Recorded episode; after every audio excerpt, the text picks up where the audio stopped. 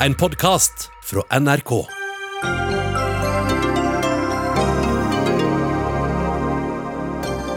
Regjeringen svekker kontrollen over eget land, sier Senterpartiet, mener Forsvarets langtidsplan fortsatt ikke holder mål. Tiden for å kose seg med misnøye bør være forbi, svarer Høyre. Norsk politi må få hodet opp av sanden, sier politioverbetjent, som forteller om uønsket seksuell oppmerksomhet på jobb. Nå tar hun et oppgjør med mannlige kolleger.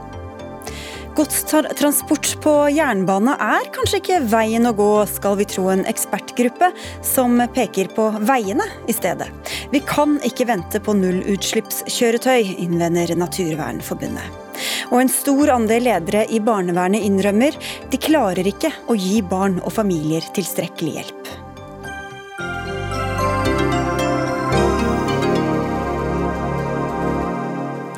Vel møtt til denne fredagens Dagsnytt 18. Jeg heter Sigrid Solund.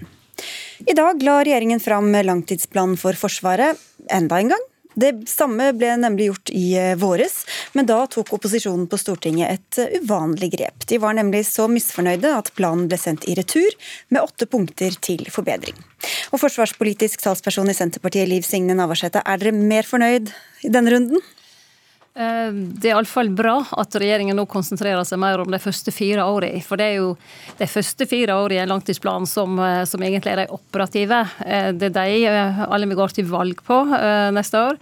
Det er de en har på en måte kontroll over. Om fire år kommer en ny langtidsplan. Så hva som skjer liksom om åtte og tolv og eventuelt 20 år fram i tid, det blir ikke så relevant. Iallfall ikke hvis vi ser bak oss på hva som har skjedd de siste seks årene. Fra 2014 så er jo hele den sikkerhetspolitiske situasjonen vår snudd på hodet og blitt eh, mye alvorligere enn den var. Så det skjer fort i dag. Men til innholdet da, de neste fire årene. Hva mener dere skjer med vår operative evne ut fra de planene som ligger på bordet nå? Vi mener at eh, en ikke styrker det nasjonale forsvaret. Vi vil ha et eh, forsvar av Norge, eh, og at vi sjøle skal gjøre det. Resultatet av det vil jo være at som vi ser og har sett i det senere tid, at en har mange soldater fra alliert hold. Vi har hatt US Marines. Nå jobber regjeringen intenst med å få soldater fra andre land på trening og øving, og det er bra med trening og øving, men, vi, men det skal ikke komme istedenfor norske soldater. Vi må ha mer personell inn i Forsvaret. Eh, og på det området så er det jo det samme langtidsplanen som var lagt fram i vår.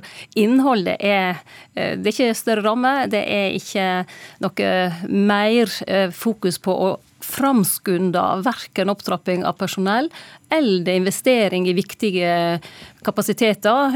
Helikopter til Hæren, stridsvogner til Hæren. Luftvernet er skjøvet langt ut i, tid. Eh, og, det er jo det som har vært vår kritikk, eh, i tillegg til at den som kom i vår ikke hadde tidfesting og, og økonomiske rammer. Og vi skjønner hvorfor. For hvis en ser nå, f.eks. personell, så ser en en liten stigning fram til 2025, og så en bratt stigning etterpå. Altså En skyver føre seg de store utfordringene som Forsvaret har i dag. Ja, Det var jo kritikken den gangen også. Forsvarsminister Frank Bakke-Jensen hadde ikke mulighet til å være med i Dagsnytt 18 i dag, men det har du, Høyres forsvarspolitiske talsperson Hårek Elvenes. For lite personell, ikke god nok opptrapping. Hvor mye har dere egentlig kommet opposisjonen i møte her? Nei, Det er jo interessant at Senterpartiet nå er mer fornøyd med planen enn den planen som ble lagt fram i vår. For i innhold så er det jo akkurat den samme planen.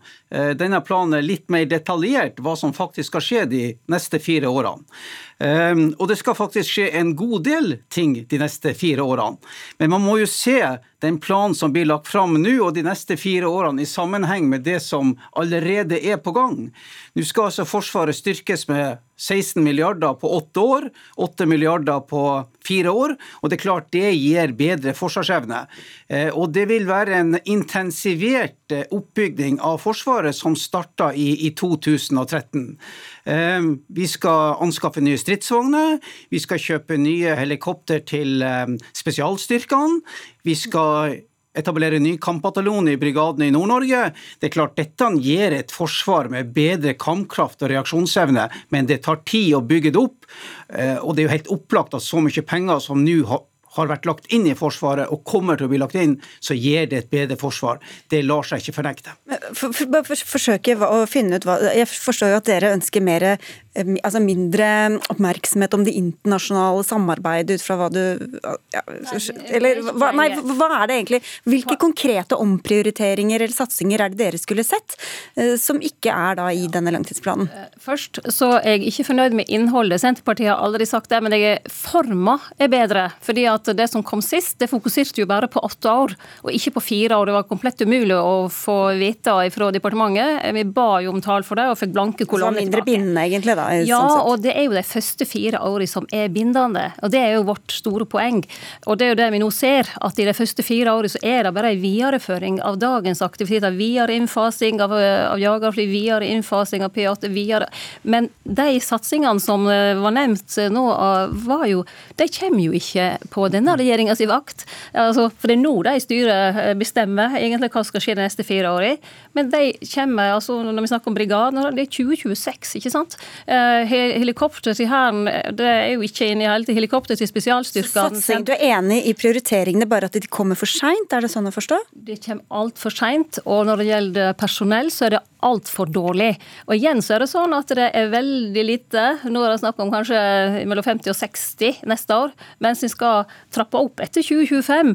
Så dette er jo en måte å skyve føre seg, og da kan en se for seg at en kommer til 2024 og en ny plan, hvis samme regjering mot å, måtte Gud forby sitter da, så kan en se for seg at en gjenskyver det. Ja. ikke sant? Ergo så får du en helt annen utvikling enn det som en gir inntrykk av, nemlig at dette er en veldig stor satsing. I Sverige har en eh, fire på fire år skal en øke med med 29 milliarder.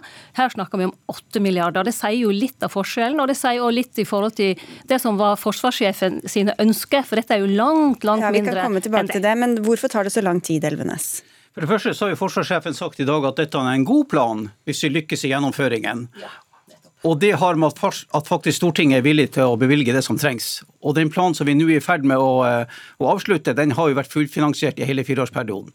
Men jeg vil si det, at Senterpartiet har jo brukt syv år på ja, men Hvis vi forholder oss til denne planen, hvorfor skjer det ikke mer i løpet av de neste fire årene, når dere har lagt planer så langt ja, fram i tid? Det er fordi at det allerede er vedtatt investeringer som binder opp så mye penger den første fireårsperioden at handlingsrommet er begrensa hvor mye nytt du kan legge inn. Eh, faktisk så skal man bruke altså 23 milliarder kroner i 2024 til investering av materiell. Det er altså en tredjedel, 33 av forsvarsbudsjettet, og det er jo langt over NATO sitt krav. Så, og Det er jo derfor at en langtidsplan må ses over flere perioder, fordi at det tar så lang tid å fase inn materiell, eh, materiell, materiell og, og, våpensystem, og at utbetalingen, kostnaden, går også over flere perioder. Og så til Sverige. Altså Det svenske forsvaret har jo vært kjørt mye mye lenger ned enn det norske forsvaret, og de har en mye lengre vei å gå. Og så vil jeg si til slutt um, Norges sikkerhetsutfordringer de har siden den andre verdenskrig vært langt større enn det vi som nasjon er i stand til å håndtere på egen hånd. Så vårt forsvar må ses i en Nato-sammenheng og med avtaler som vi har med våre nærmeste allierte. Det er den totaliteten som utgjør vårt forsvar og vår evne til å avskrekke. Men nå syns jeg Senterpartiet skal vise sine kort. Hva er det dere ønsker å forbedre? Kom til forhandlingsbordet. Eh, vis dere som et ansvarlig parti, og ikke bare et parti som skal kose med misnøyen. Så kanskje vi kan få til noe som er bedre. Kan vise kortene allerede nå, kanskje, Navarsete? Senterpartiet har sagt det samme i ja, snart sju år, kanskje. Vi har, sa det samme iallfall med forrige langtidsplan. Det er ikke noe nytt i det jeg sier nå. Vi ønsker oss et langt sterkere norsk forsvar. Vi ønsker å bruke mer midler. Vi har lagt inn en milliard mer til hær og heimevern hvert eneste år, fordi at bl.a. Hæren poster mine eh, Kommer det da på toppen av det som allerede ligger inne, eller skal dere har, omprioritere også internt i forsvarsbudsjettet? Vi, ja, det får vi komme tilbake til. Men ja, for da må jo ta noe har, fra noe i så fall, da. Vi ønsker en ramme som er nærmere, langt nærmere forsvarssjefen sin eh, FMR enn det regjeringen legger seg på nå. Fordi at, FMR? Ja, unnskyld, det var gresk. forsvarssjefen la fram sine ønsker før regjeringa la fram sin plan i vår. Ja, Med ulike scenarioer. Ja, og det minst ambisiøse, det så såkalla D-alternativet hans, det var altså 1 milliard over det som regjeringa nå skryter av som en veldig svær satsing. Og det betyr jo at den, spesielt det som går på bemanning, så skryter av investeringer, ja, men det hjelper jo ikke å investere hvis ikke en har soldater og befal og tilstøtt som kan bruke de investeringene. Og der knaker de sammenføyningene. Og Hæren har ikke fått mer enn halvparten i denne perioden er bak oss av det som var forespeila i langtidsplanen. En har overført til andre. og Hæren er utsvelt, underfinansiert, og det okay. må rettes Så på. Dette med Hæren, som jo er også et uh, Nå syns jeg du karikerer og er veldig overfladisk. Uh, det forsvaret som vi ville hatt hvis Senterpartiet hadde vært i regjering, er jo veldig lett å få øye på. Jo, dere har lagt inn litt mer til Heimevernet og Hæren i de siste statsbudsjettene, men dere har også Eh, saldert ved å ta fra andre poster på forsvarsbudsjettet. I deres budsjett for 2020 så henter dere 500 millioner fra andre poster på forsvarsbudsjettet. Så det er en sånn form for talltriksing.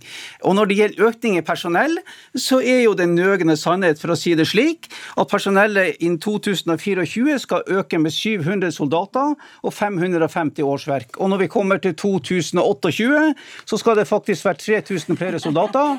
Dere, vi, vi må av avslutte her. Men hva skjer, hva skjer, nå med denne planen? da? Det, skal den sendes tilbake en gang til, eller skal den bli vedtatt? Den blir ikke sendt tilbake en gang til. Uh, han er iallfall litt mer tydelig nå på tall og tidfesting, sånn at en kan ta stilling til det som er viktig, og det er de første fire årene. Det at uh, en snakker om snøen som falt i fjor, det gjør alt alltid Hårek Elvenes. Han snakka om en hel historiebok om hva vi har gjort før. Det som er viktig nå, er hva regjeringen og hva Stortinget vil gjøre framover. Nå skal vi forhandle. Hvis regjeringen viser vilje til å komme opposisjonen i møte, så kan det, kan det selvfølgelig være mulig, men da må det være langt større ambisjoner og en raskere opptrapping enn det som ligger i den planen vi har i dag. Og Det tror jeg hele Forsvaret er sammen med Senterpartiet jeg syns dette er positivt, men vi er jo egentlig der vi var i vår. Vi skal forhandle over det samme utgangspunktet, og kommer antagelig til å forhandle om det som eh, opposisjonen har vært opptatt ut av. Eh, og det er mitt ønske at vi skal få til et bredt forlik, men da må Senterpartiet vise en litt bedre side av seg sjøl enn de har vist de siste syv åra. Senterpartiet har alltid villet forhandle, men vi, sist ble vi rett og slett ikke invitert inn. Da gjorde de opp med Arbeiderpartiet på bakrommet. Vi var med på ett møte, og siden hører vi ingenting mer. Sånn at eh, jeg håper nå at vi får en litt bedre invitasjon, og vi skal absolutt være våre ansvarlige. Det er Senterpartiet alltid. Dette var sørgelig. Men da fikk vi i hvert fall en ekstra runde i Dagsnytt 18, om ikke annet. Takk skal dere ha, Liv Signe Navarsete og Hårek Elvenes.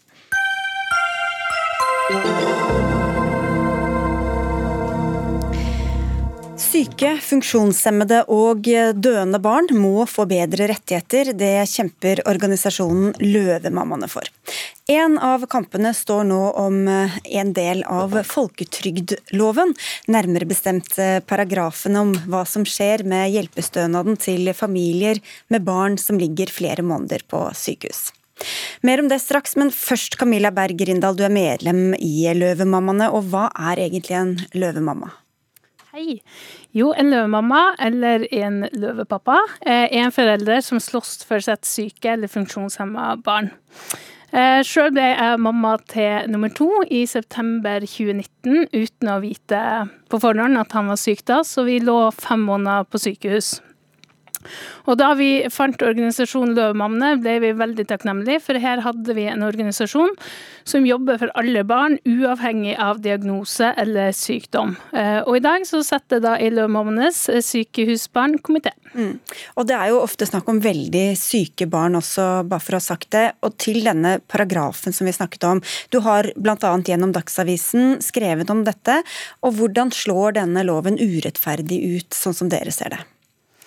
Ja, for det første er jo ikke sykehusopphold avlastning, og kan på ingen måte sammenlignes med institusjonsopphold. Begynn et litt annet sted, for vi, ikke hva, vi vet ikke helt hva paragrafen inneholder. Så, så forklar hva, hva, det dreier seg om da. Mm. Beklager.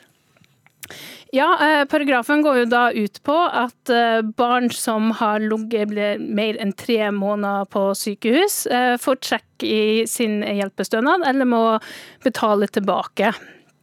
Eh, og dette er jo da en ny praksis hos Nav. og å gjennomføre trekk i hjelpestønad eh, ved sykehusopphold. Så det er ganske mange foreldre som ikke er klar over at denne paragrafen finnes. Eh, I et nokså så komplisert lovverk, da. Mm. Og da var det til deg og jeg avbrøt deg, for da sier du at dette er ikke avlastning å ha et barn på sykehus, og hvorfor er det ikke det? Nei, eh, for foreldre er jo pliktig å være til stede på sykehus. Eh, og i stor grad gjør de jo de samme pleieoppgavene som de ville gjort eh, hjemme. Så da blir det veldig feil å kalle det for, for avlasting. Mm. Eh, og så kan man også stille seg spørsmål til hvem er det egentlig som blir berørt av, av denne paragrafen. Um, og, og Torbjørn Isaksen hadde nok rett når han var inne på at eh, det er ikke de fleste som blir berørt av den, men den rammer de mest utsatte familiene med de sykeste barna. Uh, og da mener vi løvmammene at uh, om som den hadde bare ramma én familie, så hadde det vært én familie for mye.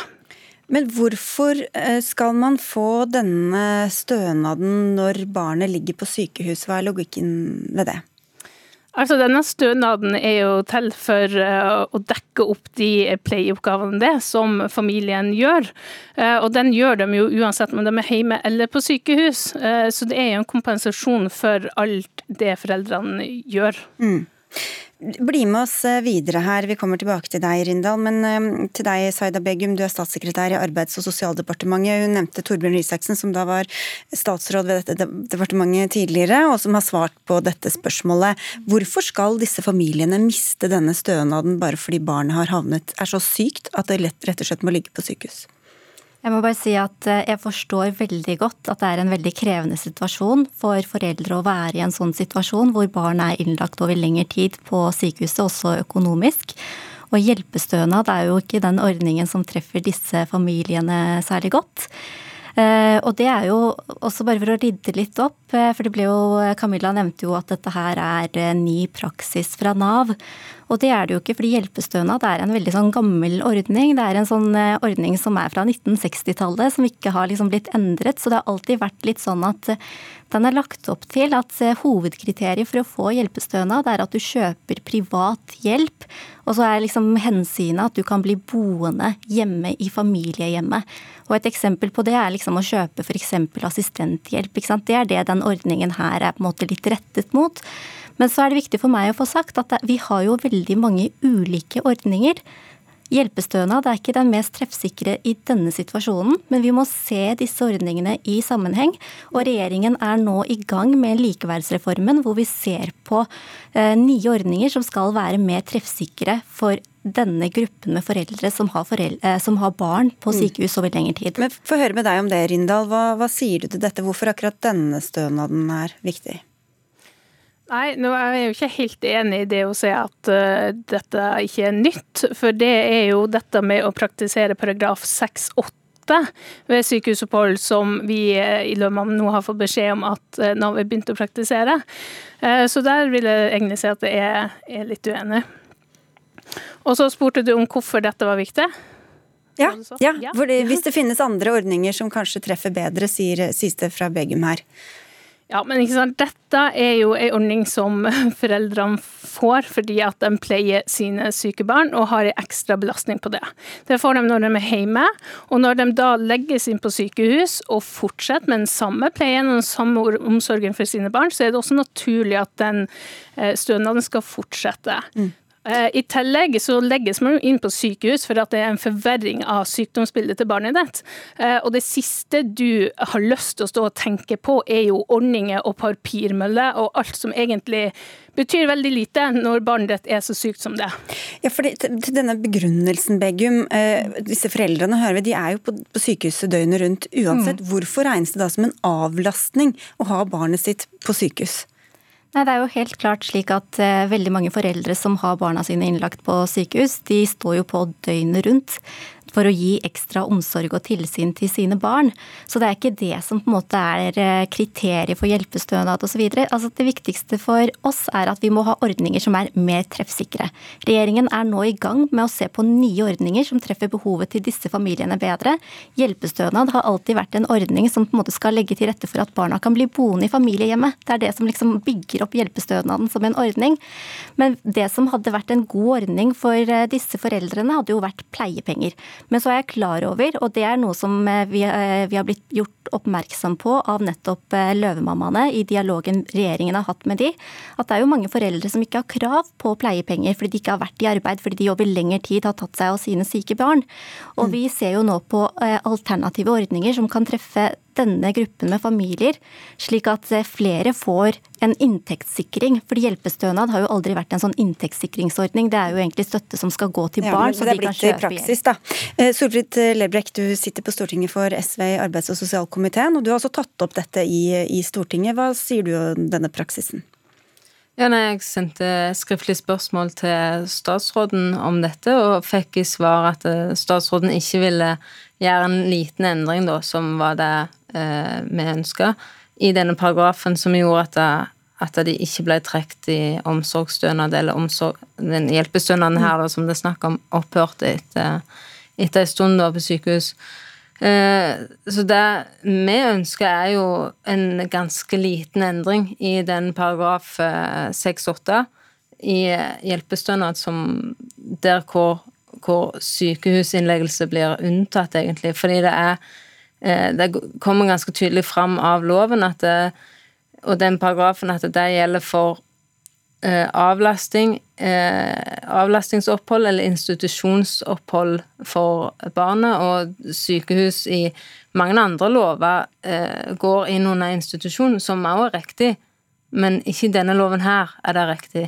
For når et så sykt barn er så lenge inne på sykehuset, så er det ikke avlasting i det hele tatt. Det er heller en merbelastning for foreldrene. Men hva altså Da må man jo endre loven, eller mener du at bare den praktiseres feil, eller hva er det dere egentlig ønsker? Nei, jeg kunne tenkt meg en, en endring av loven, men det er en ganske liten endring. Det, det er bare et tillegg, egentlig, at, det, at det, det, presiseres i loven at sykehusinnleggelse ikke eh, går inn under denne paragrafen 6-8, som det er snakk om. Eh, ja. Og det gjelder få, Begum, det er, men det er veldig viktig for dem det gjelder. Hvorfor kan dere ikke bare gjøre dette litt mer fleksibelt, endre loven på akkurat dette punktet? Vi er veldig opptatt av å ha ordninger som er enklere enn det situasjonen har vært i veldig mange år nå, som også veldig mange foreldre har tatt opp med oss. Det er jo en jungel, det har vært en jungel av rettigheter, og veldig vanskelig for familier å på en måte orientere seg om hvilke rettigheter de har i en så krevende situasjon.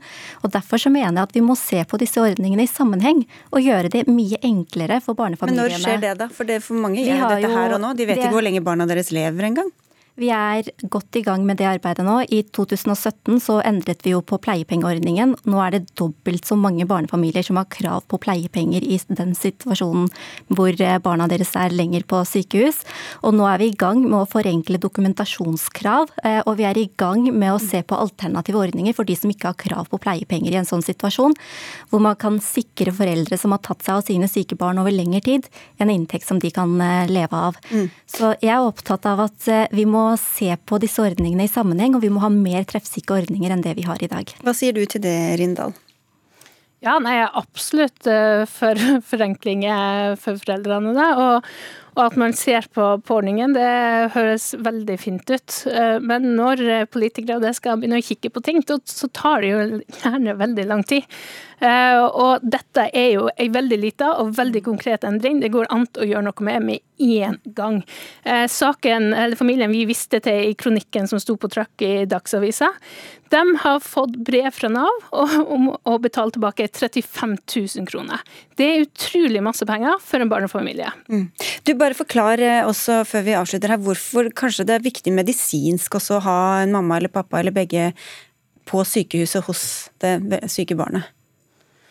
Ja, altså, Det er jo vi som er ekspertene på våre barn. Um, leger er jo inne på visitt, som tar kanskje fem minutter per dag. Det, vi skifter sykepleiere til hvert skift. Det er vi som ser våre barn kontinuerlig. Det er vi som følger dem opp, det er vi som trøster dem. Det er vi som ser med en gang det er forverring, eller noe trenger å gjøres. Så, så, vi er jo eksperter på våre barn. Det er vi som kjenner dem best uh, og reagerer fortest når det er noe. Uh, og alle de sykepleierne jeg har eh, vært i kontakt med mens vi lå, lå inne på sykehus, de så den verdien som foreldrene var. Eh, og det syns jeg kanskje også det er på tide at eh, departementet også gjør.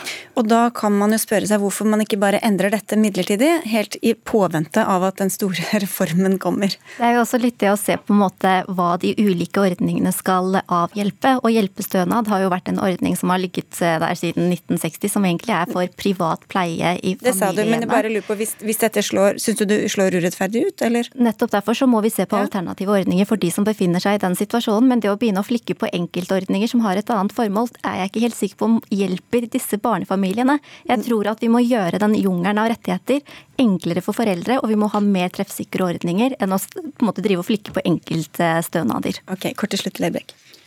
Ja, det er en ganske stor jobb dere holder på med, høres det ut som, eh, men dette er en, et behov som er nå. En liten endring i den lille loven. Det er eh, departementet leverer små endringer i lovendringer til Stortinget titt og ofte, så det bør kunne gå an. Jeg vil jo si at eh, en endring som snur helt om på hva som er kriteriet for å få hjelpestønad, eh, eh, er jo ikke en liten endring. Det snur jo helt opp ned på hva som er på en måte kriteriet for å få akkurat den støtten.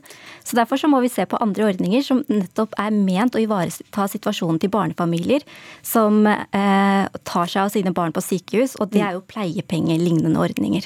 Da får vi se når det kommer, og så får vi takke dere inntil videre, Saida Begum, statssekretær i Arbeids- og sosialdepartementet fra Høyre, Solfrid Ledbrekk fra SV og Camilla Berg Rindal, som altså er en av Løvemammaene.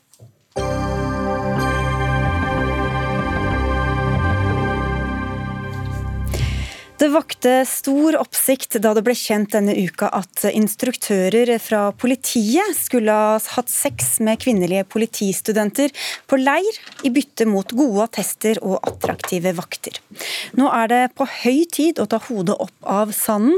Det kan vi lese i det som kanskje er det første ikke-anonyme innlegget i en metoo-debatt i norsk politi, publisert i Politiforum og siden også på NRK Ytring. Og det er skrevet av deg, Tanja Randby Garthus. Du underviser ved Politihøgskolen og har nærmere 30 års fartstid i politiet, bl.a. fra operativt arbeid i Oslo-politiet, og hvor du også har vært divisjonsleder. Og Du beskriver også en del episoder som du har vært borti. Hva går det ut på? Nei, det går ut på uh, forskjellige situasjoner hvor jeg er blitt utsatt for uh, ting som jeg tenker at uh, hvis man ser det utenfra, så er det ganske krenkende og voldsomt.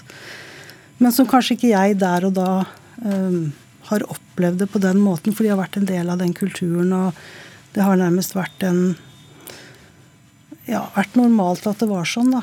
Eh, og dette er selvfølgelig lenge siden, eh, og det har skjedd store endringer i etaten siden da. Eh, og det er viktig for meg å presisere at de aller, aller fleste politibetjenter er flotte, voksne personer som det er grunn til å ha tillit til. Men så fins det enkeltindivider, og kanskje også noen subkulturer, som fortsatt må jobbe med politirollen og de verdiene som eh, faktisk må forvente at en politibetjent skal leve etter. Og Hva slags episoder kunne det være som du opplevde? Nei, jeg kan ta, Nå har jeg jo skrevet om dette i kronikken min og har ikke behov for egentlig å bruke mye tid på det, men jeg kan ta et eksempel. Så vi forstår litt av det. Ja. Mm. F.eks. når jeg var uh, aspirant. Uh, det vil si, jeg var jo uh, siste kullet med etatsutdanning. Og da ble vi sendt ut ett år som aspiranter. Og på det stedet hvor jeg var, så opplevde jeg da den første gangen jeg skulle overnatte i forbindelse med to tette vaktsett, så skulle jeg overnatte bare på en madrass inne på et kontor. Og når jeg hadde lagt meg der, så står plutselig en kollega i døra og ser på meg og sier at ja, du må regne med at du får besøk i natt, og da skal vi kose oss litt. Uh, og det er klart at jeg tolket det som en spøk, men jeg kjente allikevel på en usikkerhet og utrygghet inni meg, for jeg var veldig fersk inn i dette miljøet. og det er liksom, Når du får sånne signaler mot deg, så lurer du på hvorfor skjer dette, hvorfor sier han dette til meg? Uh, hva handler dette egentlig om? Eh, og det gir jo en sånn litt sånn uro inni igjen, da. Men, men, hvorfor tror du ikke at du mm, turte eller ville ta det opp den gangen?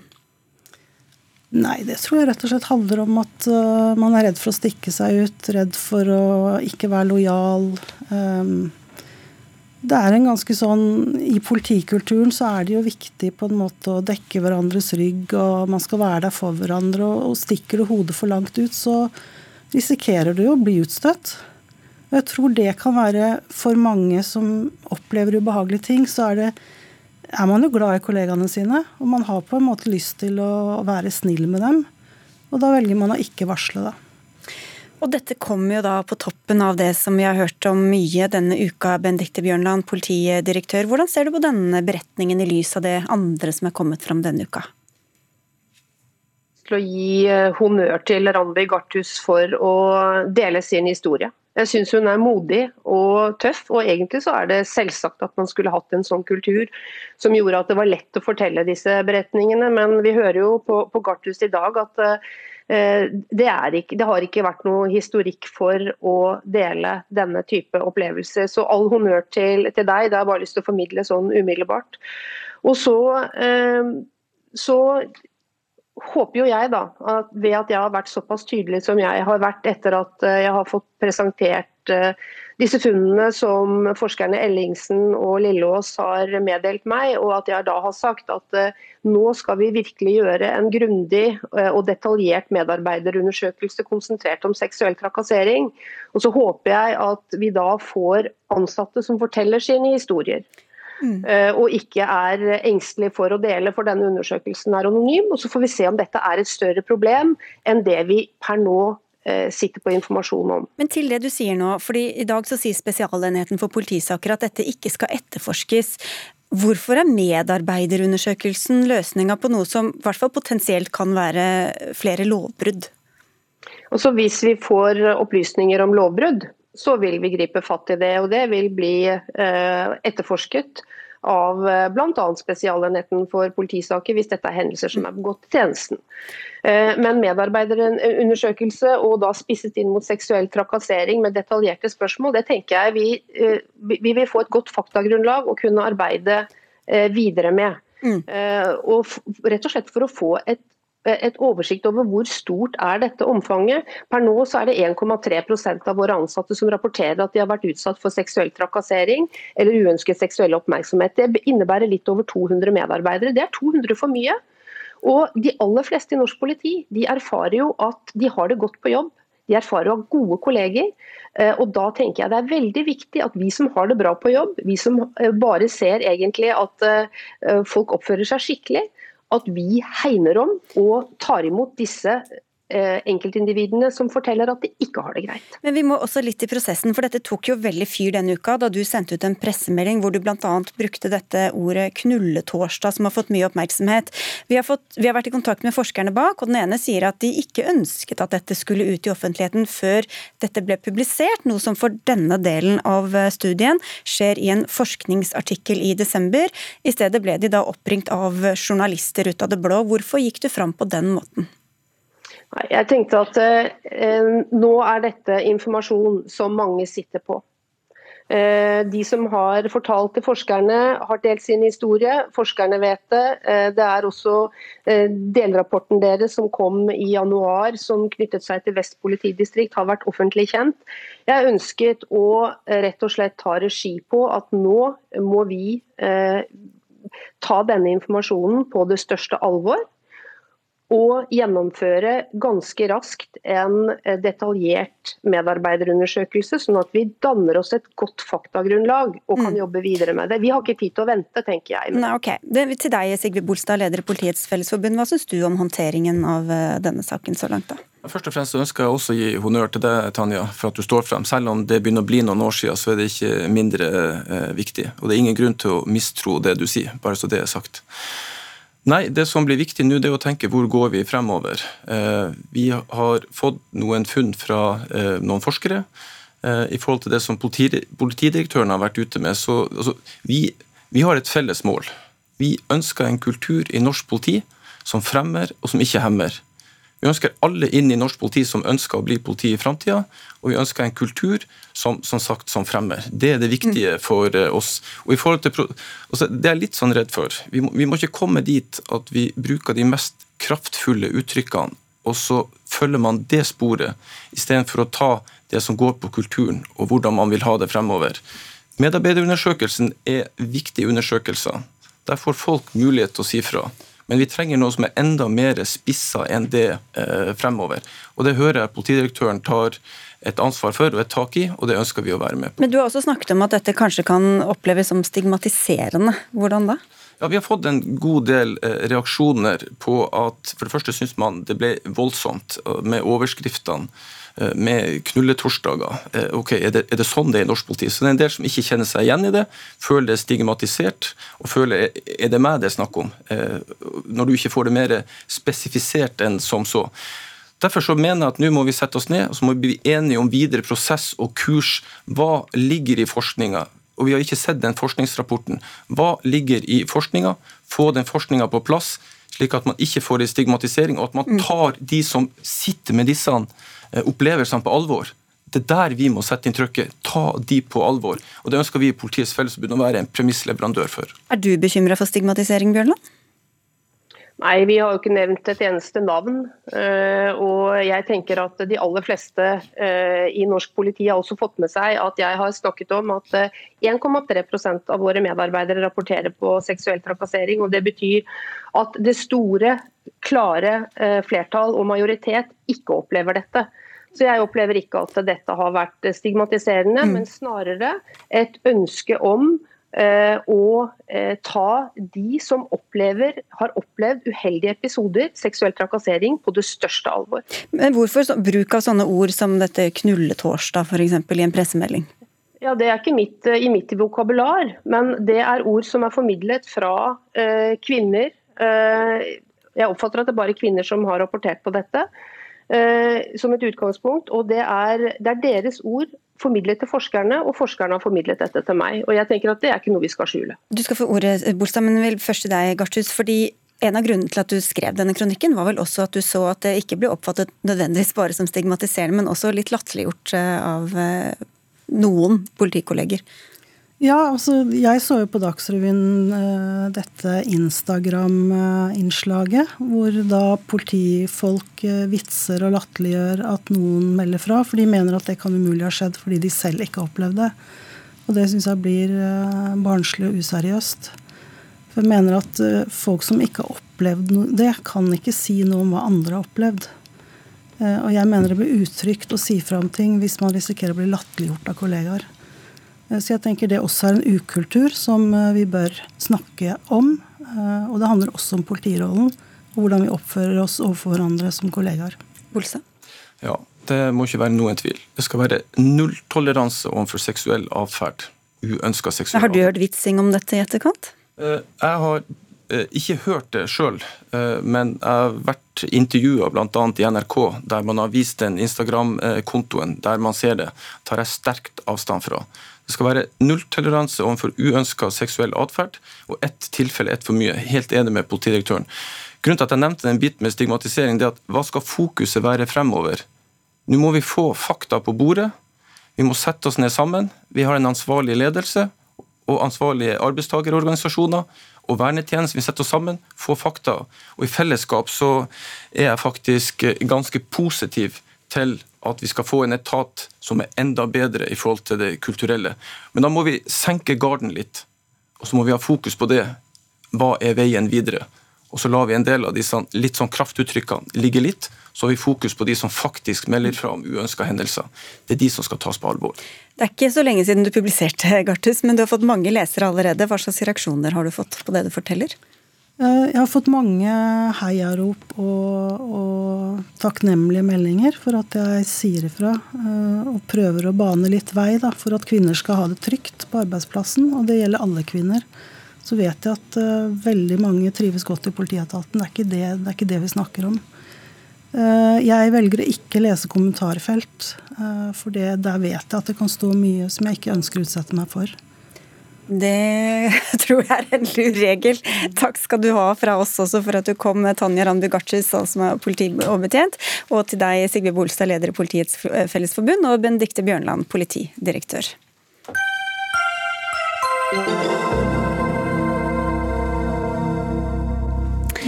Vi må få mer gods fra vei og over på jernbane og skip. Det har vært et mantra i mange år. Men logikken bak dette gjelder ikke nødvendigvis lenger. Nå når veitrafikken skal over på nullutslippsteknologi, skal vi tro en ekspertgruppe som har sett på saken. Og de skal vi til veldig straks, men først til deg, Holger Slaupitz. Du er fagsjef i Naturvernforbundet. Du var ikke så begeistret for denne konklusjonen? Hvorfor ikke? Nei, altså Det er to ting. For det første så er det jo det at eh, teknologi det er veldig viktig, men eh, det tar tid å innfase ny teknologi, og vi har noen løsninger allerede. Så det er, vi må også kutte utslipp raskt. Vi må ned med 50-60% innen 2030. Og det er ikke så lenge til. Så vi må bruke de løsningene vi har. Og da har vi jernbane. Vi har elektrisk jernbane som ligger der, som har et visst transportomfang i dag. Men potensialet er å øke det. Og det andre motargumentet vårt det er jo at det er jo ikke bare CO2-utslippa CO2 fra lastebilen som er et problem.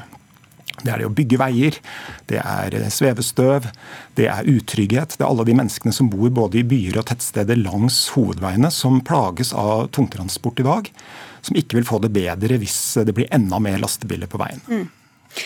Det var sikkert mange som syntes dette hørtes litt um, overraskende ut, Alexandra Bekkjør. Du er konsernsjef i Sintef, og du satt, uh, sitter i dette utvalget. Hvordan kom dere fram til dette? Vår oppgave var å gi råd om hvordan teknologien vil påvirke den gigantiske investeringspakka som Nasjonal transportplan er. Og Da måtte vi ta inn over oss at den planen som vi skulle se på, Eh, som varte frem til 2025, tror jeg. Det er et år siden vi leverte denne rapporten. Da ville ikke infrastrukturen være ferdig før godt etter 2030, i beste fall. Og da er det veldig kort tid igjen til vi skal nå ganske ambisiøse klimautslippskuttmål. Og da så vi fire hovedtrender som vil komme. Ikke bare på miljø, det vil være elektrifisering og nullutslipp. Det vil være automatisering og mer, eh, altså mye høyere sikkerhetsgrad i kjøretøyene. Det vil være samhandlende intelligente transportsystemer og delingsøkonomi. og Alle de fire trendene påvirker hvordan vi må tenke om disse gigantiske investeringene. Så det vi sa var at fra den jernbanen som eventuelt skulle bygges sto ferdig i la oss si 2033 til 2050 hvor hele Europa skal være nullutslipp, så går det så kort tid, mens den infrastrukturen skal være der kanskje langt inn i det neste århundret. Og da må man tenke smart. Å bygge for liksom, gårsdagens løsninger eh, er ikke smart. Og vi sier ikke at man ikke skal bygge jernbane. Men vi sier at man kan ikke ha som politisk mål å favorisere jernbane mm. fremfor andre nullutslippsløsninger. Og da, Nå snakker vi om det godstransportene, altså store, eh, store tungtransport, eh, rett og slett. Hvis, det, hvis, teknologien kommer, så må vi jo tenke på lang sikt, som vi hører da, Slaupitz. Ja, og nå virker det jo som om jernbanen skal bygges på nytt, og den ligger jo der i dag. Det er ikke sånn at vi skal vente på store investeringer som er ferdig i 2030. Næringa jobber nå, altså Jernbanedirektoratet, Bane Nor, bransjen, veldig mange innenfor logistikk ønsker å få mye gods over på jernbane. Det er et miljøfortrinn. Vi ser jo samlasterne som Posten, Bring, Ikea og veldig mange andre selskap. De vil frakte gods på jernbane. Vi, og dette er noe som handler om 2020, 2021, 2022. Og Det er heller ikke snakk om distribusjonskjøring over korte distanser. Dette er langtransport med tunge kjøretøy som, som vi har løsninger på i dag, og som vi ikke kan vente på. Men Er, er, er det dimensjonert for å ta så mye over på, på jernbanene ut fra den infrastrukturen som ligger der i dag? Altså Først eh, så har vi jo det, den transporten vi har der. og Den må jo for all del ikke forsvinne. Og så er det jo eh, små investeringer vi snakker om i det store hele for å øke kapasiteten. Noen kryssingsspor, terminalutvidelse, mer effektiv drift av det jernbanenettet vi har. Hvis du ser på hvor mye som går til godstiltak av, av samferdselsbudsjettet, så er det veldig lite til jernbane. Må jeg få si at jeg er helt enig. Og ikke bare, det er optimalisering gjennom matematiske modeller. Du kan kjøre mye mer gods på den jernbanen du har i dag. Og det er jo et kjempeviktig område å prioritere. Så dette utvalget handler om hvordan vi skal bruke de milliardene som skal rulle ut i ny infrastruktur. Ja, og den infrastrukturen skal jo ligge der lenge, forhåpentlig. Mm. Men hvis vi ser ikke fram til 2050, men liksom på mellomlang sikt, så skal det jo fra 2025 bare være nybilsalg av nullutslippsbiler, tentativt i hvert fall. Mm. Men samtidig så kommer det til å være veldig mange biler på veien som fortsatt er fossile. Så hva med da liksom de tiårene framover fra 2025, hvis vi nå skal dimensjonere for at det er veiene som først og fremst skal ta godstrafikken? Altså, vi har jo veier i dag, og vi har jernbane i dag. Og spørsmålet er hvilke valg skal vi gjøre man, når man skal investere i helt ny infrastruktur. Og da mener jeg at vi vet ikke akkurat når det vil være nullutslipp på gods. Men det er ganske trygt å si at i et 2025-2030-perspektiv begynner de, store, de, å komme i store volumer. Og da kan vi ikke liksom si at i de neste 70 år så skal vi, vi skal bygge infrastruktur med tanke på at det ikke er utslippsfritt. Om det er 20 28, eller til og med 2036, så spiller ikke det noen rolle i vurderingen av hvordan skal vi bruke knappe ressurser i samfunnet. Og Det er du som skal ta disse vurderingene, i hvert fall nå minst et år tid eh, til samferdselsminister Knut Arild Hareide. Hvor, hvor mye resonnerer dette hos deg? Altså, dette har jo vært veldig enkelt for oss tidligere. Da har vi vært bredt politisk enige. Vi skal gjøre det vi kan for å få gods fra vei til bane, fra vei til sjø. Eh, men det utvalget her sier, at det trenger ikke bli så enkelt inn i framtida. Og det handler jo om at på klimagassutslipp så blir kall det konkurransen bedre. Altså det blir mer konkurransedyktig òg opp mot vei. Og det må vi ta inn over oss. Men faktisk så er jeg enig med det som Naturvernforbundet her sier. Vi må jo tenke at vi vil ikke ha for mange eh, vogntog på veiene. Det er noe med trafikksikkerhetsdelen. Men så kan jo teknologien gjøre noe med at trafikksikkerhetsperspektivet på veiene òg blir bedre. Så det er jo nettopp Så jeg tenker som så, vi må jo ha være åpne for nye løsninger og nye muligheter, og ta de riktige beslutningene. Eh, og Sånn sett så tenker jeg all informasjon er veldig bra. Eh, men jeg kan jo si at i det budsjettet som vi la fram nå, den desidert største satsingen hadde der, det var på jernbane. Eh, økte med 6 milliard. Det er en gigantisk satsing. Og jeg bruker òg penger der på nettopp, altså bruker 90 millioner bare med å få gods fra vei til bane. Jeg eh, bruker litt over 30 millioner på fra gods fra eh, vei til sjø.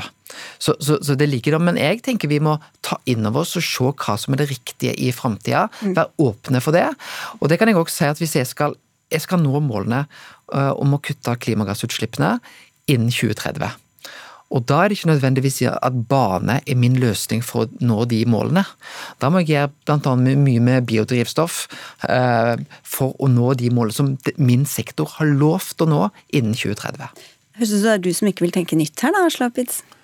Det kan høres sånn ut, men det er jo eh, det at vi kan ikke lene oss tilbake og tenke på at dette kommer en gang i framtida som eh, Du er ikke like teknologioptimistisk som disse to andre her? på mange måter for å få ny teknologi. Og den teknologien vi har er minst like viktig. Og så må vi også tenke på at eh, hvis alternativet er å bygge veier, som det virker som Gjørv er, peker på da, som et alternativ, og som tross alt får veldig mye penger på statsbudsjettet, mange titalls milliarder til motorveibygging, så har det også veldig store konsekvenser. helt uavhengig av om bilene går på biodrivstoff, som vi vet er også veldig problematisk, eller om det går på el eller hydrogen, som krever veldig mye strøm.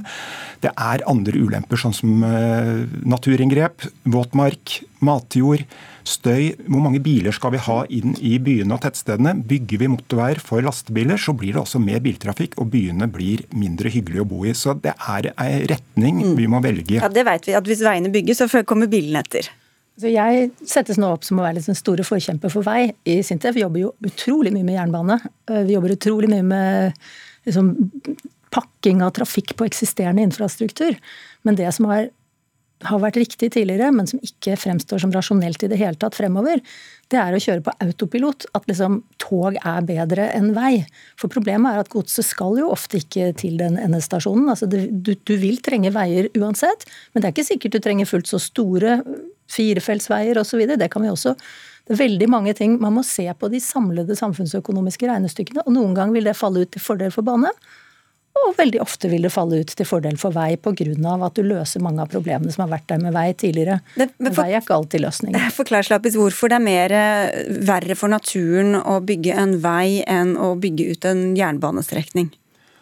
Det er jo det at det, det som kommer nå, er jo at det kommer stadig nye ønsker om å bygge nye strekninger med motorvei, også på steder hvor du har en ganske god vei. og Det begrunnes ut fra flere ulike grunner. Det kan være med godstransport, det kan være ønske om å kjøre raskere mellom byer og, og knytte disse sammen. Og, og, og, Det er jo, det skaper et veldig stort press på å bygge mer infrastruktur. Mens veldig mye av det jernbanenettet som kan brukes til godstransport, det ligger der fra før. Og Da vil jeg gjerne spørre Hareide om én ting. og det er jo det at Når vi bruker såpass mye penger som vi gjør på jernbanen, da, vi kan gjerne bruke mer, og det er mye som trenger penger der òg. Men uh, har du ikke da noen visjoner for å bruke disse investeringene til noe? F.eks. å flytte mer gods over på jernbane og redusere biltrafikk i byområdene osv. Det er ikke bare om å pøse ut penger på jernbane og så si at nei, vi skal ikke ha noe mål om å bruke jernbanen til miljøforbedring f.eks. Ja, altså det budsjettet jeg har lagt fram for litt over ei uke siden, der har vi altså en satsing på nærmere økning på jernbane på 6 milliarder.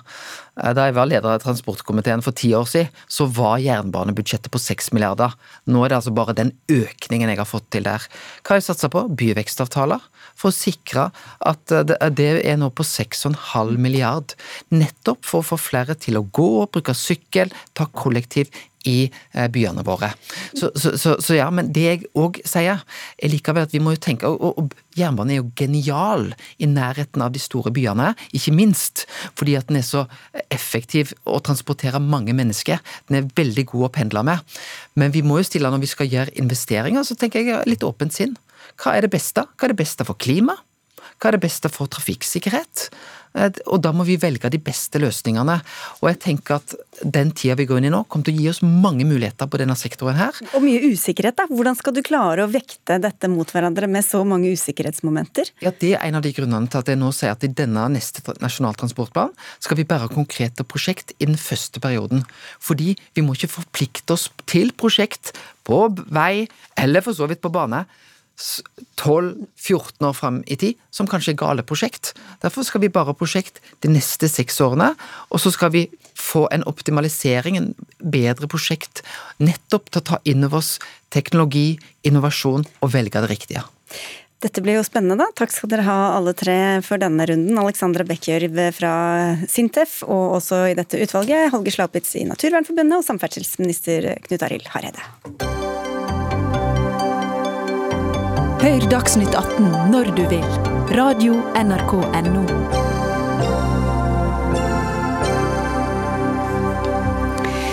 Fra én rapport til en annen. Norske barn og familier får ikke hjelpen de trenger av barnevernet tidlig nok. Det viser en rapport utarbeidet av SOS Barnebyer.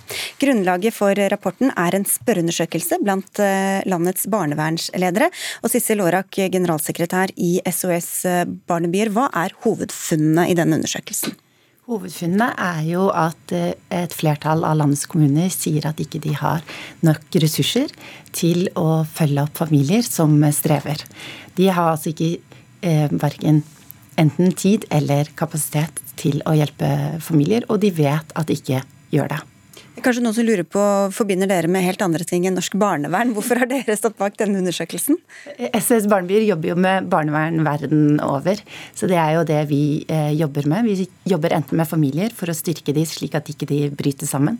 Og hvis ikke vi får til det, så jobber vi med å ta vare på barna. Men dette da at barnevernet mange steder kommer til kort, eh, hvordan skades barn og familier av dette sånn i praksis? I praksis så vil jo en familie som ikke får den hjelpen de eh, trenger, eh, ende opp med å få enda større problemer. Og i verste tilfelle så vil vi jo kunne se at eh, barn som i utgangspunktet kunne bo med familiene sine, må flytte i fosterhjem fordi problemene til både barn og familien blir for store. For det er ofte det forebyggende arbeidet hvor det svikter, da? Det er det forebyggende. Og dette har pågått over tid. Eh, så vi mener jo i SOS Barnebyer at eh, i Norge så burde man ha prioritert forebygging langt høyere over mye lengre tid. Og det ser vi at uh, også kommunene er helt enig med å si. Jeg tror du var her forrige gang, Marit Rommald, eh, direktør i Barne-, ungdoms- og familiedirektoratet, og snakket om de som bor på institusjon. Nå snakker vi altså først og fremst om de som bor hjemme. Tre av fire barnevernledere sier at de ikke har eh, omfattende nok forebyggende tiltak. Stemmer det overens med det inntrykket du har fra før? Ja, vi deler nok den bekymringen som SOS Barnebyer har her. At eh, man strever i kommunene med å komme inn tidlig nok i barnas liv, og da eskalerer problemene sånn som vi fikk beskrevet her, med de konsekvensene som det får. For det er jo best for barn å kunne bo hjemme hos foreldrene og få den hjelpen de trenger. For de aller, aller fleste barn vil det være det beste. Hvorfor får de ikke det, da?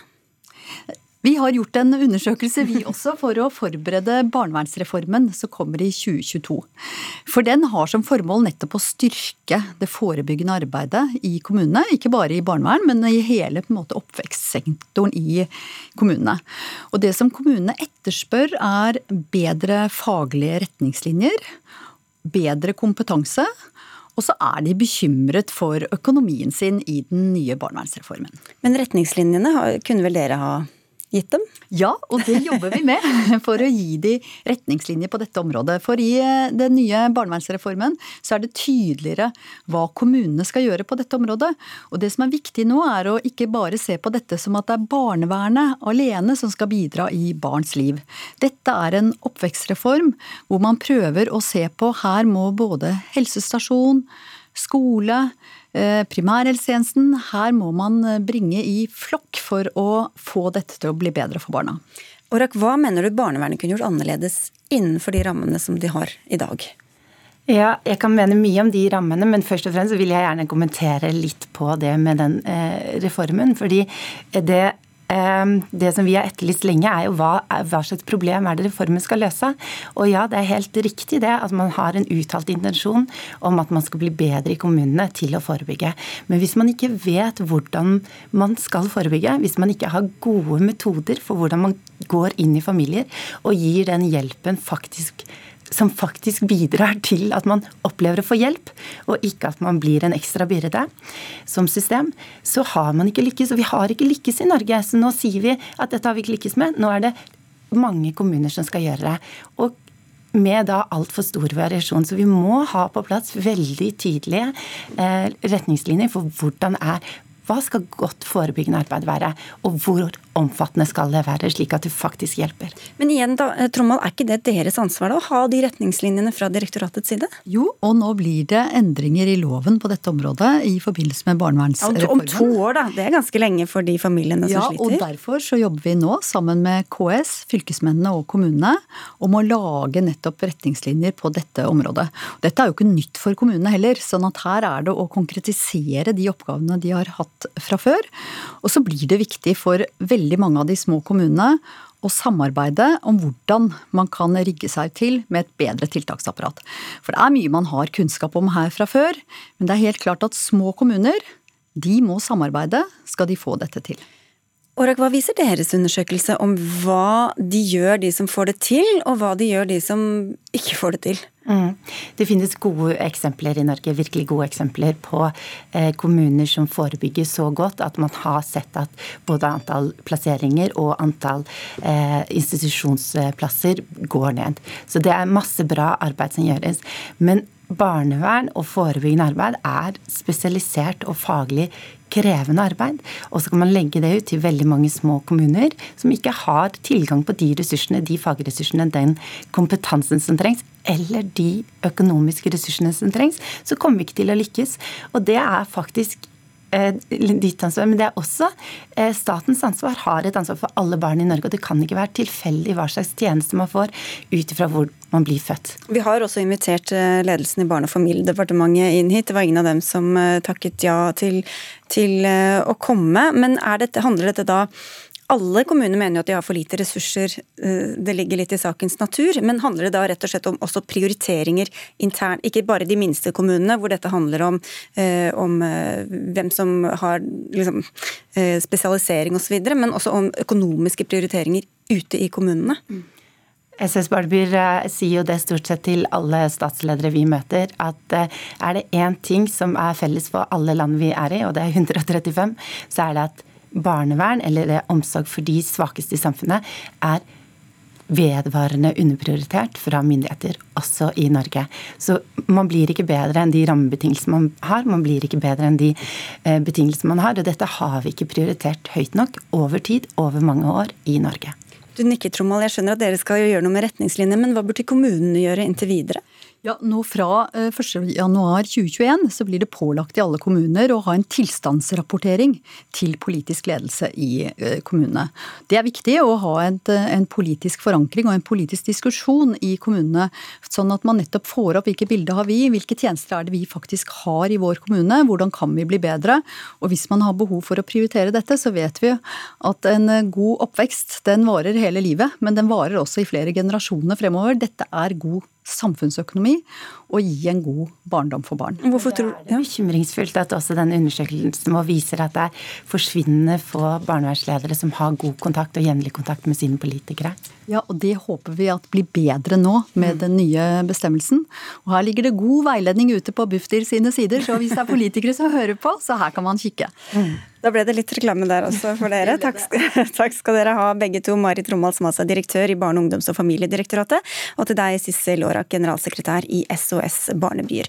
Nå tar Dagsnytt 18 helg. Dag Dørum var ansvarlig for sendinga. Ida Laland Brenna hadde det tekniske ansvaret. Jeg heter Sigrid Solund, og vi ønsker en god kveld og en riktig fin helg.